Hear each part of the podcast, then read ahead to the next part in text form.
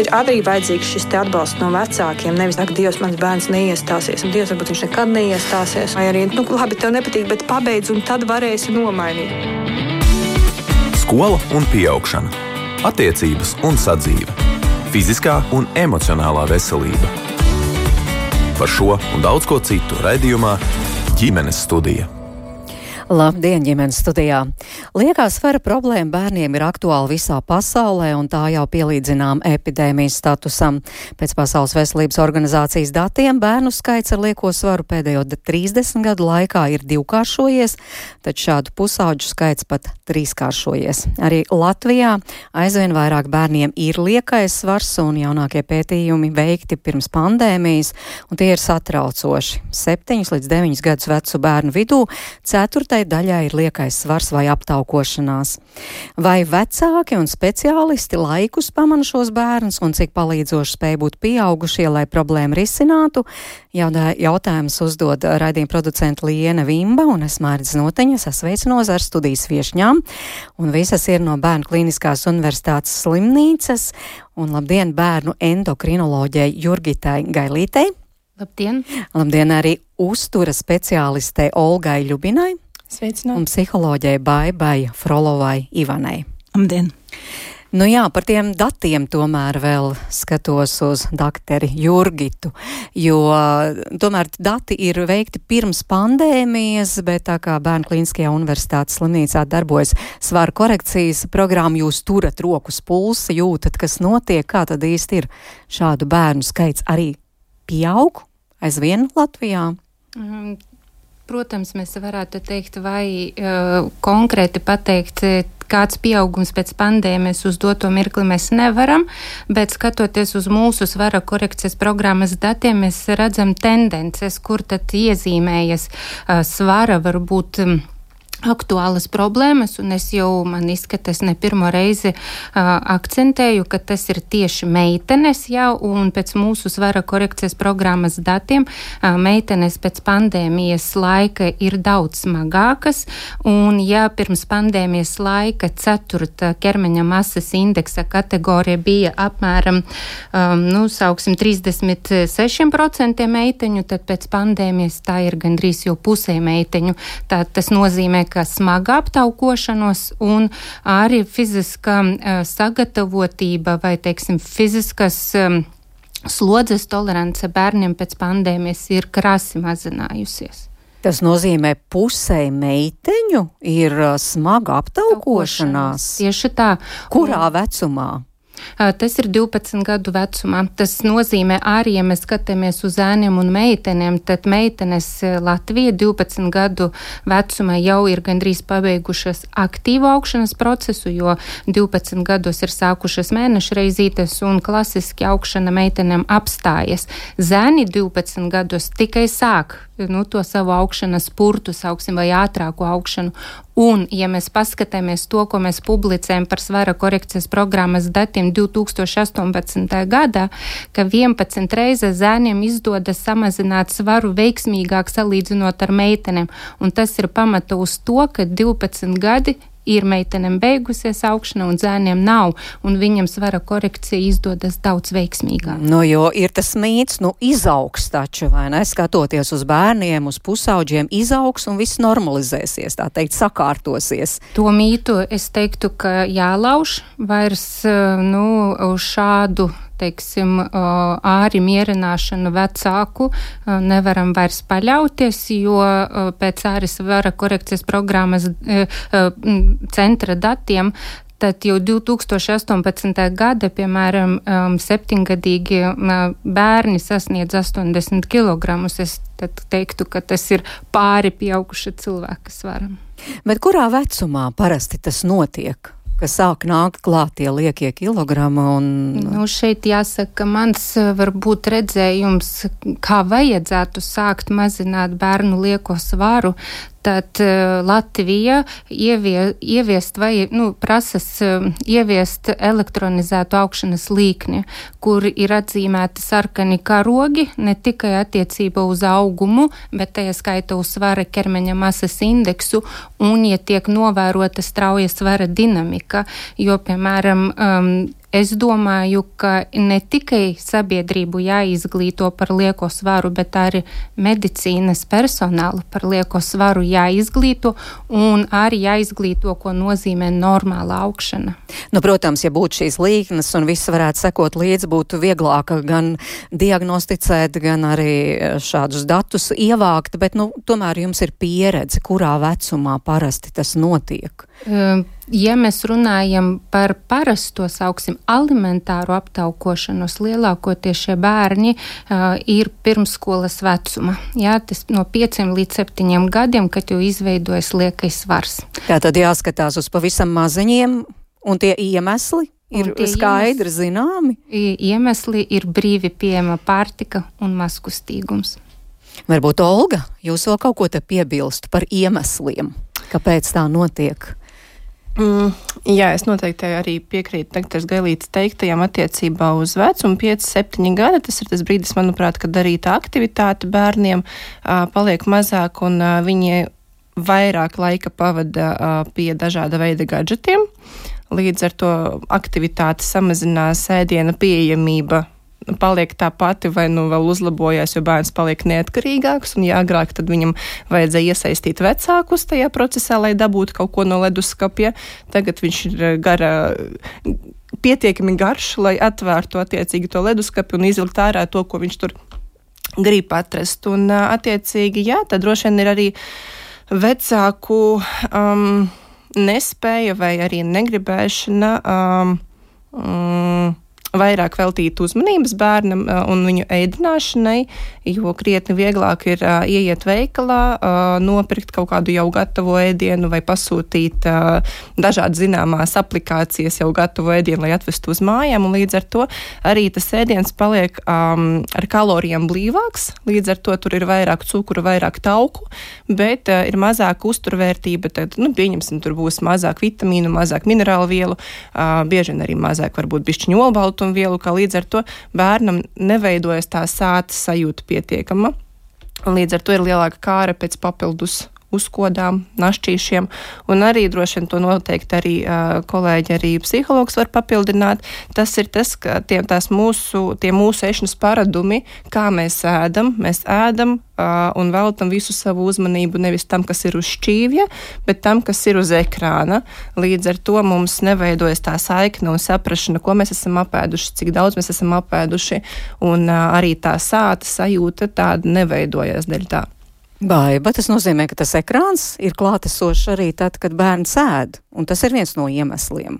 Tas noteikti ir viens no iemesliem arī, kad uh, neveidojas šī sāta sajūta, un bērni atnākot mājās, uh, uzreiz uh, ja, ja nu, pagatavo sev ēst vai gatavo vai ēd, tiešām izmanto ekrānu. Lūkojoties ekrānā, bērns domā par spēli, par aktivitātēm, viņš nedomā par ēdienu. Un, un tieši tā kā uzturs speciāli teica, neveidojās šīs atsajūta um, un uh, bērna visas domas, varētu teikt, ir koncentrētas tikai uz ekrānu, un beigās bērns paskatās, šķīvs ir tukšs, un um, viņš iet atkal pie leduskapja, viņš nav pāēdis.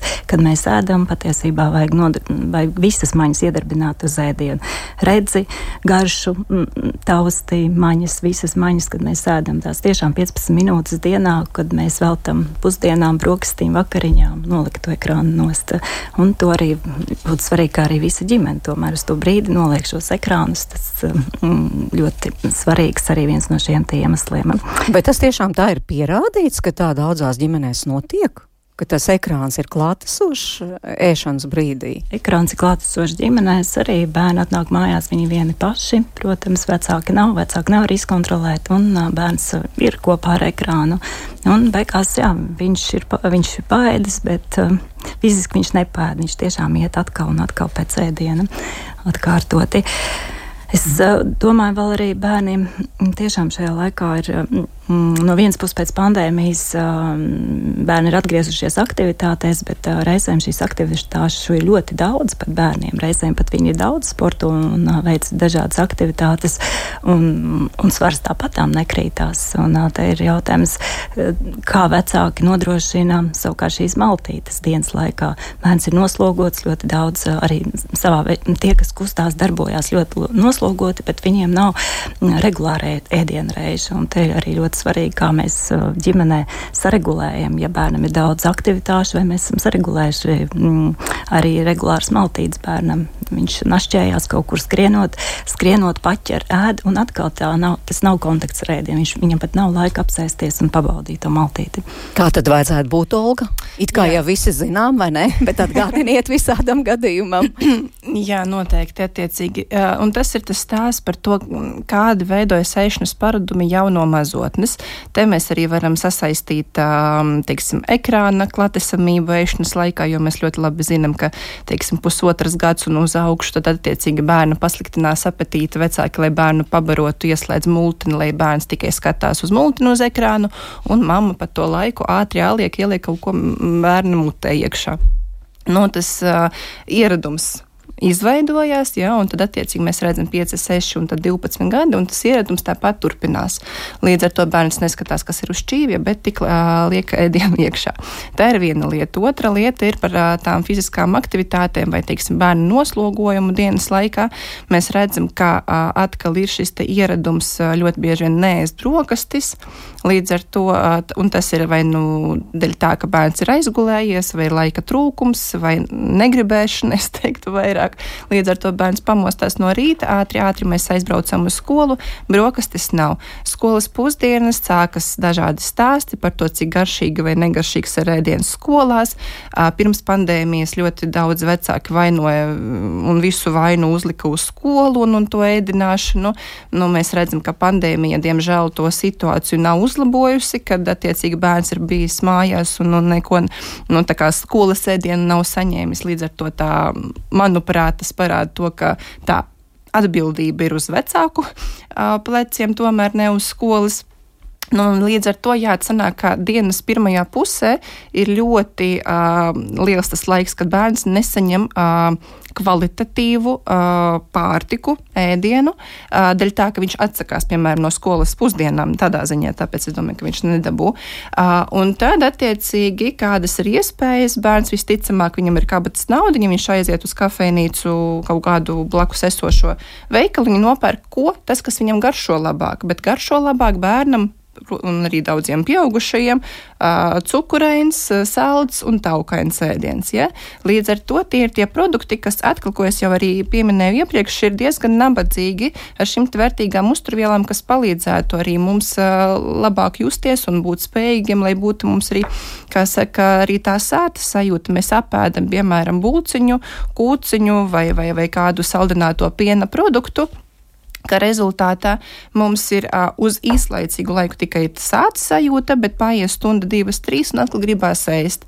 Vēl papildus slodzi, dažādas nodarbības, līdz ar to bērnam ir uh, tā kāre nepārtraukti našķēties, jo uh, nepieciešamo salikt ogļhidrātu daudzumu nav saņēmis, olbaltumvielas par maz, gaļu nav ēdis, apēda bulciņu, skrien, skrien tālāk. Jā. Mm -hmm. nu, bet tas vēlamais scenārijs no jūsu puses skatoties, tātad brokastis kā Vienīgs ir brokastis, jā, kur ir mums, kā saka, šī svētā lieta putra vai maize ar saliktiem okļadrātiem.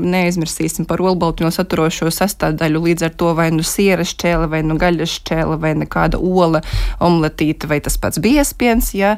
Teiksim, pusdienās tāpat mēs apēdam skolas kompleksās pusdienas, kur ir zupa, kur ir otrais mhm. ēdiens, un tad attiecīgi to, ko noteikti vecākiem ir jāpadomā, ja bērns tālāk skrien uz kaut kādu pulci, puciņu, tad ir jābūt uzkodai līdzi paņemtam, kur atkal būs nevis auglīts, piemēram, un kāda un auglim nav nevainas. Noteikti ir jāēd. Bet uh, auglis nedos to sāta sajūtu uz ilgstošu laiku. Līdz ar to te mums būtu arī jāpaņem nevis būciņu bērnam, jāiedod vai cepumiņu, bet arī varbūt sataisim kādu modernajā valodā saucot vrapu vai tartīļu, kur mēs, teiksim, satīnam to pašu, nezinu, vistas filēņu, ieliekam gurķī, tomātiņu, un, un, un tas bērns arī izņem to vrapu un apēd. Tas ir arī svarīgākais, jo vecāki var daudz ko sagatavot, ja, bet ja bērns neēdīs arī būs sarežģīti. nu jā, un tās skolas pusdienas, kaut arī jūs sakāt garšo, negaršo, bet faktiski jau tomēr ir šobrīd pieregulēts visām normām, lai bērns saņemtu to, kas viņam nepieciešams. Jā, Jurgita. Es vēl gribēju piebilst eh, par to dienas režīmu. Grieķija bija veikts eh, pagājušo gadu pētījums par bērnu kabatas nauda tērēšanas ieradumiem, un tur iezīmēs, ka vecākiem, kuram nav augstāka izglītība un kas īstenībā nedomā par veselīgu dzīvi, dzīvesveidu. Tad bērni savu kabatas naudu tērē divos, teiksim, dienas posmos. Tas ir skolas laika, tad, kad viņi izskrien tiešām kaut ko nopērk, un otra lieta, kad viņi to naudiņu tērē, ejot no skolas uz mājām. Un, protams, tad, kad aptaujāja, ko viņi tur pērk, nekas veselīgs nav bijis. Un no tādas mūsu, varbūt, darba pieredzes es teiktu šādi, ka no vecāku puses iezīmēs tendence. Ja es neredzu, Tas nozīmē, uz mani tas neatiecas, bet ar bērnu jārunā, jāvienojas, kas ir atļauts te veikala nopirkt. Konkrēti nosakot, nu, sauksim šādi iespējas, jo bērns ir īpaši maziņš, viņš pakļausies tiem noteikumiem. Tad, kad tas nebūs izdarīts, jo pusauģa vecuma grūti būs iestāstīt, kas tas ir pērkams un nepērkams. Nu jā, tas būtu tas ideālais variants. Paldies klausītājiem, ka iesaistāties mūsu sarunā. Protams, laipni aicinātu pievienoties Guntas, Guntis mums raksta, bet varbūt ir tā, ka ēdamajā nav vielu, kuras prasa organisms. Un organisms prasa, prasa, vajag, nu, piemēram, olbaltumvielas, netabū, un tāpēc jā. arī, pieņemsim, bērns vairāk ēt. Protams, ja bērns, pieņemsim, pārsvarā pārtiek no šiem tie ātriem ogļhidrātiem, jā, tad, tad jau iepriekš pieminētās bulciņas, kūciņas vai uh, rafinētie Suliņas. miltu izstrādājumi, teiksim, sulas vai saldinātie dzērieni, skaidrs, ka bērns dabū to ātro enerģiju, bet nedabū pietiekamā daudzumā jau iepriekš pieminētās olbaltumvielas, un līdz ar to bērnam ir sajūta, ka viņam kaut ko vajag, bet viņš nesaprot, ka vajag apēst kotleti.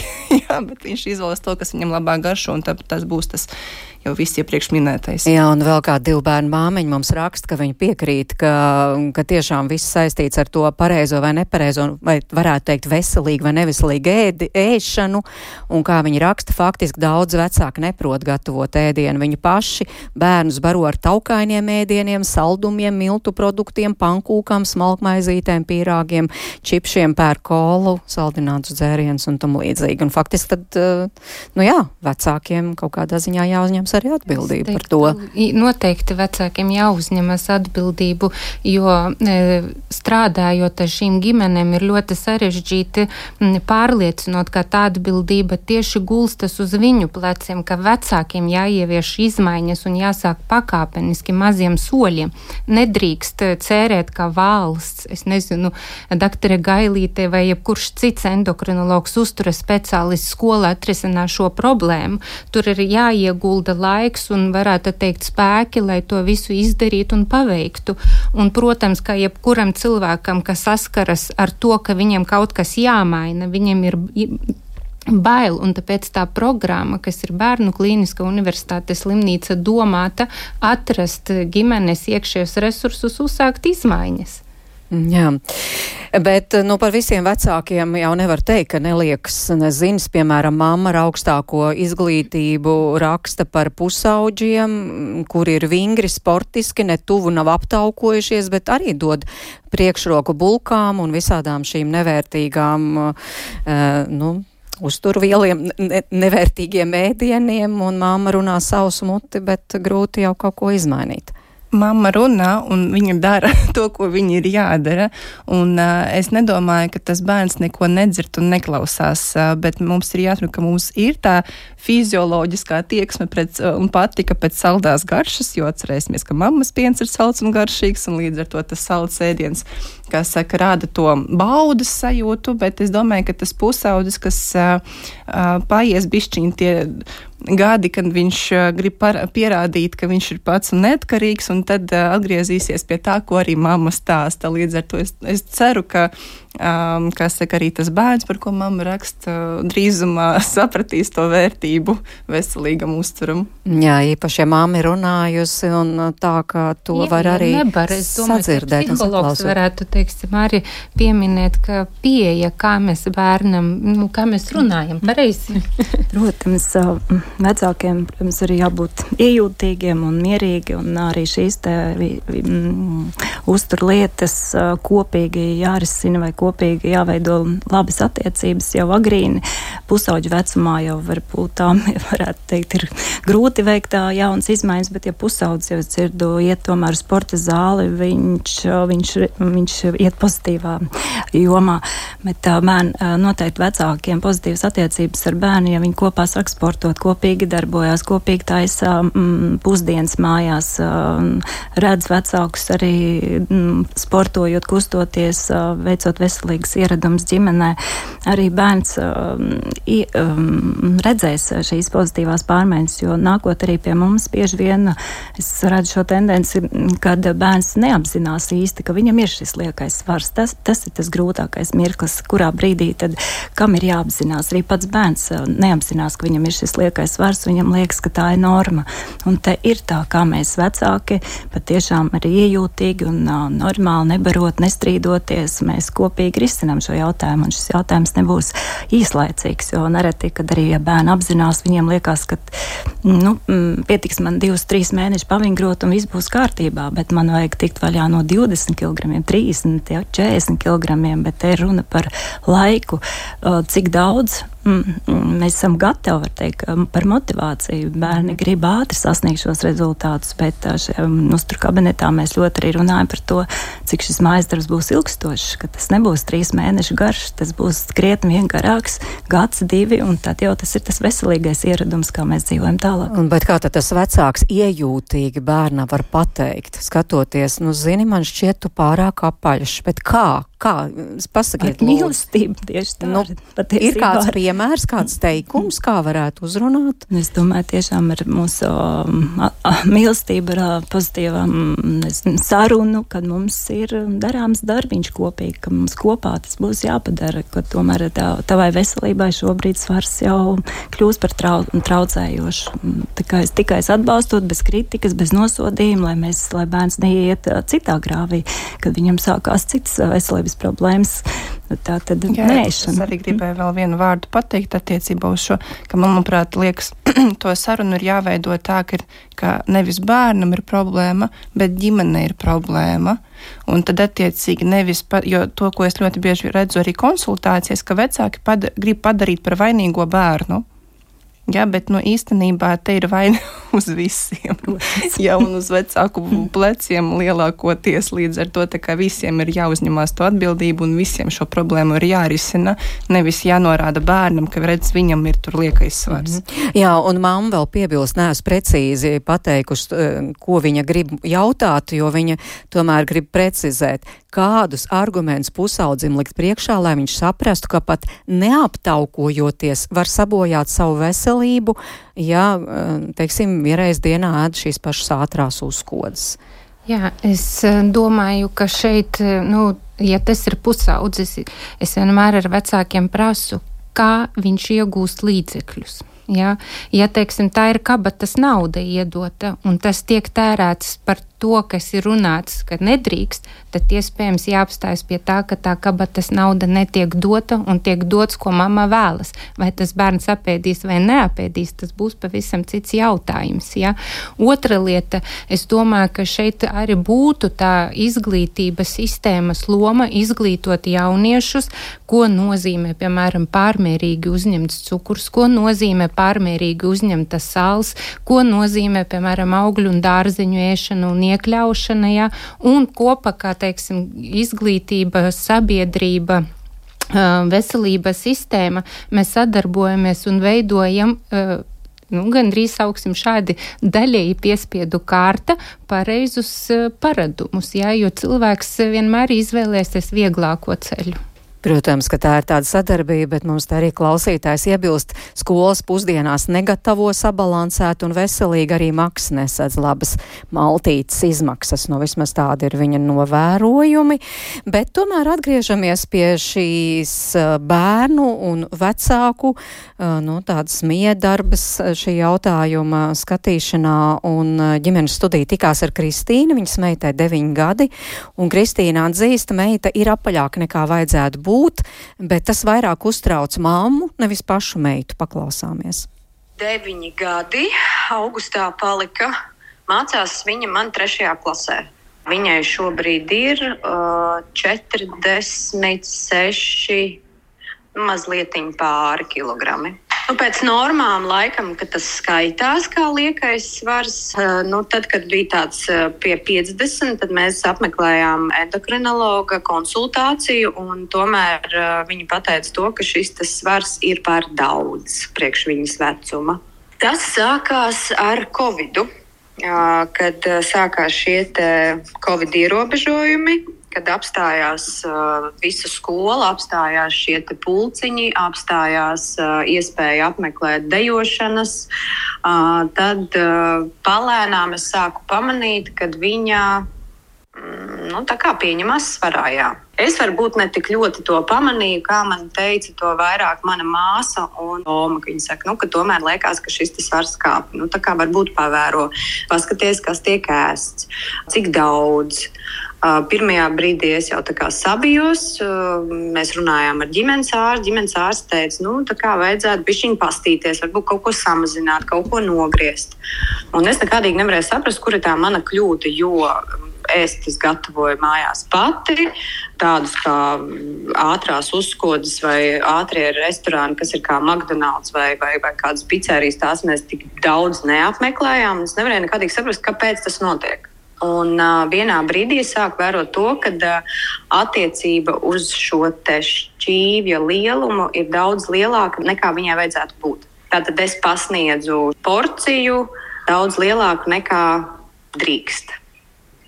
Un attiecīgi viņa arī viņu visu apēda un pat dažreiz prasīja papildu porciju. Un tā kā šī kustība bija ierobežota, tad tas viss arī kopumā veidojās ar tādu nu, svara palielināšanos, tā to var nosaukt. Oh, nu, garšo gan gaļas, protams, makaroni garšo, dārzeņus viņa ēd.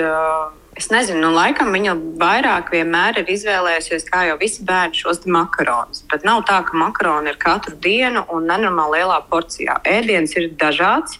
Ir tā, ka mājās zupas vārītas, ir pieņemsim, kartupeļu biezenes taisīts jā, ar kādu gaļas veidu. Bet um, lielākā problēma laikam ir tāda, ka liekas, ka nu, varbūt bērnam tā kā vairāk, nu, lai viņš tā kā būtu paēdis. Un līdz ar to es laikam pati esmu šo kļūdu darījusi, iedodot vairāk, tad varbūt viņi ir pieradusi, ka šī porcija ir lielāka. Tad, kad es sapratu to, ka šī kļūda ir no uh, manas lielās porcijas un lielā šķīve, es samazināju šo porciju. Vairāk varbūt devu klāt dārzeņus. Uh, un pieņemsim kādu gaļas veidu, uzliekot mazāk, piemēram, rīsus, makaronus vai kartupeļu biezeni. Svars sāk samazināties, atgriezās skolā nodarbības. Tagad viņi apmeklē arī baseinu vienreiz nedēļā, un es teikšu, ka rezultāts ir acīm redzams. Uh, līdz Ziemassvētkiem viss bija ļoti skaisti. Es saņēmu pat komplimentus no ģimenes locekļiem, kad ir acīm redzams uh, bērnā izmaiņas, un viņa pati jutās tāda ļoti pārliecināta. Un, un, tā kā meitene varēja redzēt pie spoguļa stāv un pucējās. Nu, kā jau mēs visas dāmas.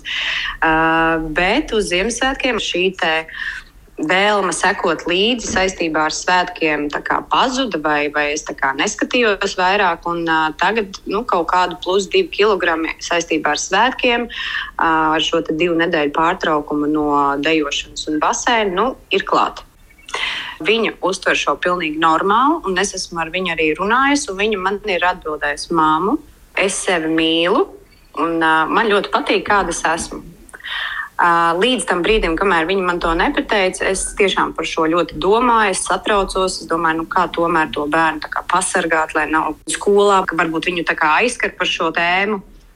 Es par to tieši biju domājis. Bet tad, kad es ar viņu apsēdos un pārnāju, viņa teica, nē, man viss ir labi, es jūtos labi, man patīk, kāda es esmu, un viss ir kārtībā. Un tad es sapratu to, ka tā ir laikam mana problēma. Kad es ļoti kā, domāju, es iespringstu par to, es gribu, lai viņai viss ir labi, bet nebiju sākumā laikam respektējusi viņas viedokli. Un tajā brīdī, kad es palaidu vaļā savus kaut kādus domas un uh, vēlējos, lai viss ir ideāli un viss ir labi un viņai viss ir kārtībā, tad svars patiešām sāka kristies pat uh, labāk, un, un vairāk mēs par šo tēmu arī nerunājam. Viņi vienkārši dzīvoja savu bērnu dzīvi, ēda pusdienas, brokastis, vakariņas, un, un viss viņai nokārtojās. Kā teikt, es laikam palaidu šo tēmu uh, brīvībā. Kristīnas stāstu klausījāmies kopā ar viešņām, kurš šodien pie mums studijā no Bērnu klīniskās universitātes slimnīcas, tātad bērnu endokrinoloģa Jurgita Gailite, uzturspeciālista Olga Ļubina un arī psiholoģa Baiba Frolova Ivane. Runājām par bērnu liekajiem kilogramiem un arī aptaukošanos, tātad liela problēma ne tikai pasaulē, no nu jau arī Latvijā, kā ar to tikt galā. Klausoties, Kristīna, pirmkārt, gribu tomēr precizēt, kā ir ar to uh, Covid-19 pandēmiju. Būtiski ietekmēja un, un uh, nu, pa, palielinājās būtiski bērnu skaits ar liekajiem kilogramiem šajā laikā. Es eh, vēlreiz atkārtošos, mums eh, pēdējā antropometrisko datu mērījumi ir pirms pandēmijas laika oficiāli slimību profilakses un kontroles centra publicēti, bet eh, to, ko publicē citi varbūt pētnieki un citas valstis, īstenība ķermeņa masas indeks, ja normāli bērnam pirms pandēmijas laika palielinājas līdz 0,2 kg uz kvadrātmetru mēnešu laika. Es nepateikšu nu, precīzi, tad pēc pandēmijas un pandēmijas laika bija 0,5.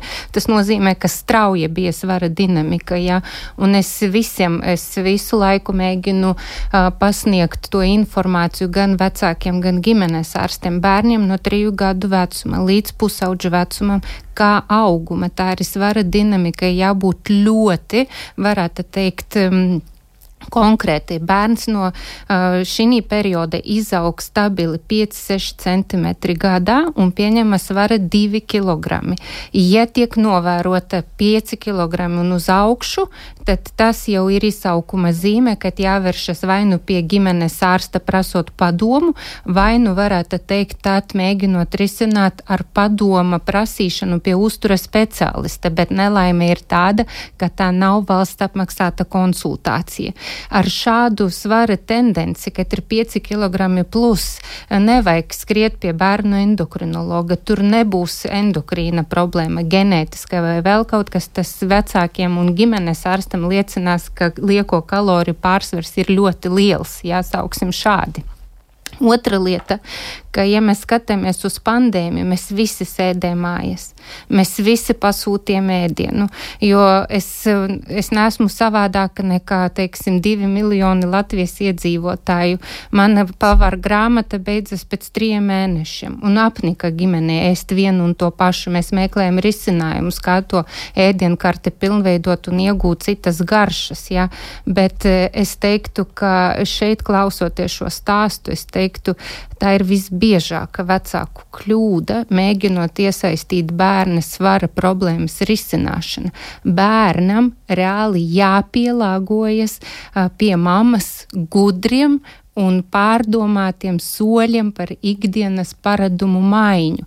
Jo mana kabinete bieži dzirdēta, nu, teiksim, frāze izjūt dzirdēju, tur es nezinu, Elīza, Jāni, Mārtiņa vai vēl kaut kas, ko doktore Gailīte teica, mēs tagad ievērosim dietu. Neviena mirkli no savas konsultācijas šādu tekstu, ka jāievēro dieta, mani pacienti nav dzirdējuši. Viņi ir saņēmuši konkrētus padomus, kā jārisina ēšanas, fiziskas aktivitātes, teiksim, paradumu maiņu.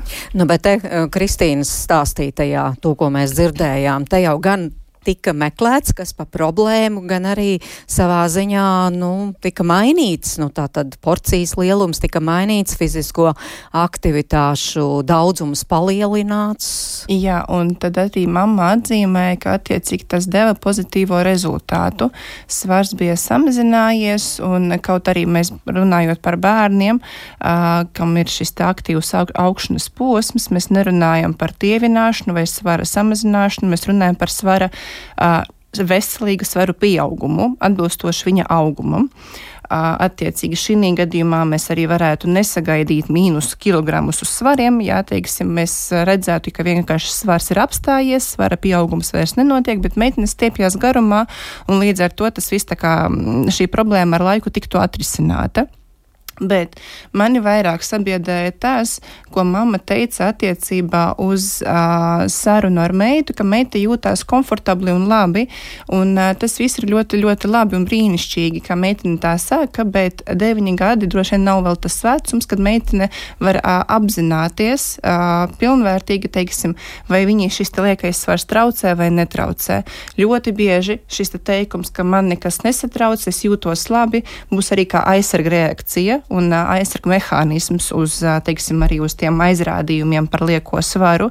Līdz ar to es noteikti gribētu akcentēt to, ka tiešām šo problēmu nav jāpārvērš par, par uzdevumu numuru viens visai ģimenei, ka mēs tikai tagad par to runājam, ka, teiksim, mamma tur no rīta pamostās un jau sāk runāt meitai par lieko svaru vai vēl kaut kā, jo tas, protams, rādīs citas problēmas, arī psiholoģiskas un papildus emocionālo stresu, bet tas, ka šo uh, problēmu nav jāpalaiž vaļā pilnīgi, bet tam ir jāseko līdzi, tas ir viennozīmīgi, un tāpat arī, kā doktora Gailīte jau iepriekš ir teikusi, ir tad jāseko līdz tam augšanas līknēm un jāatzīmē, un ja būs kaut kāds moments, kad mēs redzam, ka atkal, teiksim, tas, tas svara pieaugums apsteidz um, auguma um, dinamiku, tad atkal ir jāapsēžās visiem pie viena galda un ir jāizrunā, kur ir tā problēma. Ja, bet mēs neuzliekam bērnu kā vienīgo un galveno, kas būtu atbildīgs par šo problēmu. Baiba, kas no jūsu puses vēl piebilstams? Jā, es klausījos, man patika, ka meitene saka, ka man viss ir kārtībā no vienas puses. Ļoti, ļoti svarīgs vienmēr ir pašapzinīgums, bet te ir vienmēr par, vai tas ir tiešām adekvāts pašvērtējums, vai es tiešām spēju novērtēt, vai, vai man veselība viss ir kārtībā, vai manam svaram viss ir kārtībā.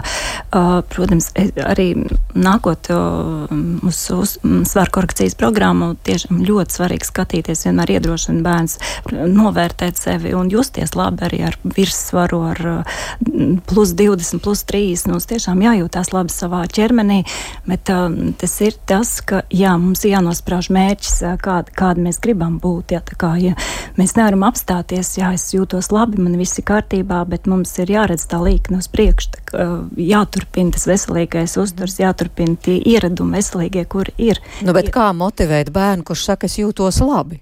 Es nu, jūtos labi vecā, šobrīd. Tas ne bērnu jāmotivē, tur jāmotivē vecākus.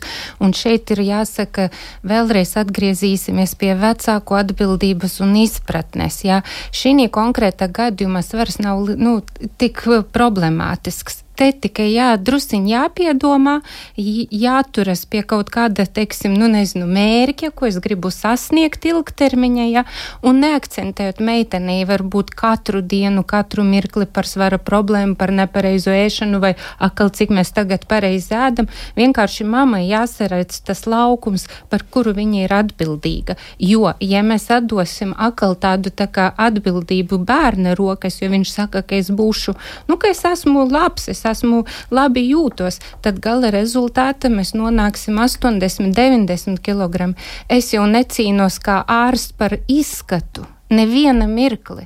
Man patīk bērni, varētu teikt, ar lieko svaru, tievi e, gari, maziņi, jebkādi. Ja? Viņi ir bērni, un bērnu būtība vispār ir tāda prieks, skriešana, nezinu, tādas lietas. Šeit jārunā par veselīgu svaru, ja, par veselīgu cilvēka nu, ķermeni sauksim un par vispār veselību kopuma, jo mūsu senčiem bija, nu, teiksim, tas eh, teikums vesela miesa, vesels gars. Jā, jo tas tiešām ir stāsts par veselību, īpaši jau raugoties ilgtermiņā. Ilgtermiņā tieši tā.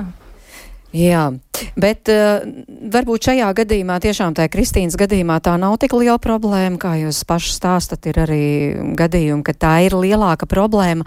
Tad kur tomēr griezties pēc palīdzības, kur meklēt uh, palīdzību? Šeit jūs sēžat tāda komanda, kā jūs arī strādājat svaru korekcijas uh, programmā, kad nonāk ģimene, nonāk vecā kopā ar bērnu. Tātad tur ir gan endokrinologs, gan uzturspeciālists, gan psihologs, manuprāt, arī fiziologs fizioterapeits ir jūsu komandā, bet nu tad pie kā, kur vispār meklēt pirmkārt palīdzību? Jā, nu pašlaik uh, ļoti liela pūliņa no bērnu klīniskas universitātes slimnīcas endokrinologiem nāk, lai izveidotu sauksim, svara kabinetus, ja, uh, jo mm, valsts uh, tādu uh, programmu, kas veiktu daļai profilaksi un arī, teiksim, terapiju svara korekcijas nolūkos. Uh, Latvija ir tikai viena programma - Bērnu klīniska universitātes slimnīca, ja?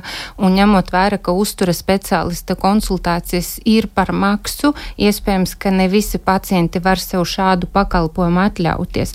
Un valstī jāsaprot, ka arī pierādīts no OECD, ka ja mēs ieguldam vienu eiro, tad mēs mēs atgūsim pēc kāda laika līdz 5 eiro atpakaļ, jo, ja mūsu bērni kļūs aptaukojušies, 20%, 23% jau tagad ir ar lieko svaru, 10% ar aptaukošanos, un daļa ir ar smagu aptaukošanos, tad tas nozīmē, ka šie bērni pusauģi un jauni pieaugušie cilvēki būs slimi. Un tad mēs e, risināsim problēmas. Tiem cilvēkiem būs grūtības iegūt atbilstošu izglītību, iefil, nu, teiksim, iegūt labu darbu, ja, un iespējams, ka arī kavēs darbu slimību dēļ. Ja? Un to jāskatās tagad. Es vēlreiz akcentēšu tagad, tūlīt un tepat. Programma vai svara kabineti neizveidosies vienas dienas laika. Šeit arī būs cilvēku resursu ziņa problēmas. Ja?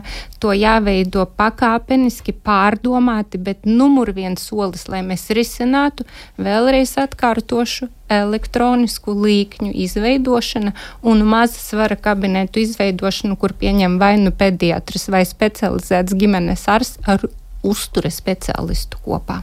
Nu, bet kā jūs sakāt, tas viss nākotnē šobrīd tas pirmais. Tikai ir viena programma. Ģimenes ārsts, kurš Jā, ir speciālists, pie tas kura ir tikai ģimenes ārsts, un pēc tam ir, varētu teikt, institūcija numur divi, kur šie bērni nāk ar lieko svaru, meklējot slimību, endokrīnu ģenētisku, tas ir bērnu endokrinologs. Ģimenes studija sazinājās arī ar ģimenes ārstu no Liepājas Līgu Bergmani, kā viņa redz situāciju un kā viņa strādā ar šīm ģimenēm. Klausāmies! Gribētu teikt, ka mūsu praksē tā nav ļoti izplatīta problēma, bet uh, tās lielākās sakarības būtu tādas, ka tas liekais svars un aptaukošanās, diemžēl, ir kā ģimenes problēma, ne tikai kā viena bērna problēma. Un, attiecīgi, ir ļoti, ļoti, ļoti daudz jāstrādā pie tā, lai, lai izmainītu ēšanas un fizisko aktivitāšu paradumus ģimenē. Jo pie vainas jau nav tikai bērns un viņa, viņa ēšanas paradumi, jo pirmsākumu meklējami tomēr visi ģimenes ēšanas un fizisko aktivitāšu tādā režīmā. Mm -hmm. nu, kā jūs varat tos procesus ietekmēt? Jūs tomēr tiekties ar ģimenēm, nāk pie jums, uh, lūdzu, padomu konsultāciju. Protams, mēs bērnam reizi gadā veicam profilaktisko apskati, attiecīgi nomēram, nosveram. Uh, un uh, izrēķinām ķermeņa masas indeksu, pēc kā mēs arī varam vērtēt uh, to svara pieaugumu. Attiecīgi, kad pienāk brīdis, kad, uh, kad uh, no manas puses jau ir jāsāk satraukties, tad attiecīgi pirmās sarunas ir tieši ar vecākiem, lai izrunātu nu, vispirms jau ēšanu ģimenē, otrkārt ēšana skolā vai pirmskolas izglītības iestādē, vai vispār ēd un kas tiek ēsts, vai tās ir pusdienas, vai tie ir vispār tikai našķi runāju ar vecākiem par fiziskajām aktivitātēm, kas ir otra svarīgākā lieta šajā visā. Par to, kas ir tas, ar kādu sportu bērns nodarbojas, vai viņam vispār ir kādi pulciņi vai ārpus skolas aktivitātes, kas ir tas, kā ģimene paši pavada savu brīvo laiku. Mums ļoti liela runāšana ar vecākiem. Uh, tad, attiecīgi, runāšana par, par miega kvalitāti, par, par stundām, kas tiek uh, pavadīta miegā. Jo bieži vien, uh, ņemot vērā mūsu jaunatnes, teiksim, tādu sociālo tīklu ietekmi ļoti bieži, ko dzird no bērniem, ir, teiksim, miegs naktī ir piecas, varbūt sešas stundas maksimums. Attiecīgi, miegs arī to visu ietekmē. Un, attiecīgi, izrunājot šīs visas trīs galvenās lietas, ir vecāki, bet nu, mēs mēģinām pāris mēnešu laikā kaut vai pavisam drusciņi, pavisam ar, ar kaut kādiem maziem solīšiem izmainīt lietu. Cik rezultatīvi tas ir? Jums tiešām izdodas nu, vienmēr? Tas izdodas varbūt vienā no kādiem sešiem gadījumiem. Jo tas bērns jau, nu, tā vaina jau nav meklējama viņā, ja? jo, jo teiksim, tādi ģenētiski iezīmti stāvokļi ar šādu lieko svaru ir ārkārtīgi reti. Tā, tas ir strādāšana ar, ar, ar vecākiem, ar, ar vecāku paradumiem, tāpēc, diemžēl, tas izdošanās procents ir uh, salīdzinoši mazs. Nu, nedaudz vēlākā bērna vecuma posmā, teiksim, pubertātes laikā, tad, kad bērns jau ir sasniedzis kādas 11 gadus, un tad veidojas jau tāda lielāka apziņa par to, ka viņš pats lemj par savām aktivitātēm un par savēšanu jau vairāk. Un, attiecīgi, tad mēģināt runāt un skaidrot uh, tos negatīvos efektus un, uh, un, un mēģināt uh, izrunāt uh, par, par, par par to ēšanu un našķošanos jau pirmā kārtā. Attiecīgi, ja es redzu, ka ar manu konsultāciju nepietiek, tad es uh, parasti vispirms mēģinu aizsūtīt pie uh, uzturspeciālista. Jo tur tomēr vidības garums reizēm arī ir garāks kā pie ģimenes ārsta, un attiecīgi var izrunāt uh, tās vajadzības attiecīgā vecuma posmā vēl vairāk. Un, uh, jebkurā gadījumā, papildus speciālista viedoklis tam bērnam un arī vecākam, tas nāk, nāk par labu. Jā, bet tas ir bezmaksas pakalpojums, uztur speciālistu konsultācija. Diemžēl nav. Tās vizītes ir 40, 50 eiro, un, diemžēl, protams, ir pacienti, kas nevar atļauties. Un apzinoties šādas ģimenes, protams, tas darbs ar ģimenēm ir vēl lielāks. Iesaistam arī, arī prakses uh, māsas vai, vai teiksim, ārsta palīgs vai cits ārsts, kas ir uz vietas lai tiek izrunāts šīs lietas, nu, tad tas ir vēl lielāks darbs uz, uz vietas praksē ar, ar šiem pacientiem. Bet nu, tas ir ļoti svarīgi, jo tie negatīvie efekti ir, ir ļoti dramatiski un, un, un, un, un tāpēc mēs kā primārās veselības aprūpes speciālisti mēs tiešām cenšamies no savas puses pēc iespējas vairāk runāt. Tā kā varētu teikt, izglītošana. Tā jā, jūs redzat, jā? jā? jā? Mhm. Mm -hmm. Kā to varētu risināt? Jā. Tikai vienīgi. Mēs tiekamies ģimenes studijā. Tā bija ģimenes ārsts no Liepājas Līga Bergmane. Nu, Dakteris saka, nu, tomēr tā runāšana, izglītošana, viņas prāt, tas ir svarīgākais, kā vispār šo mainīt.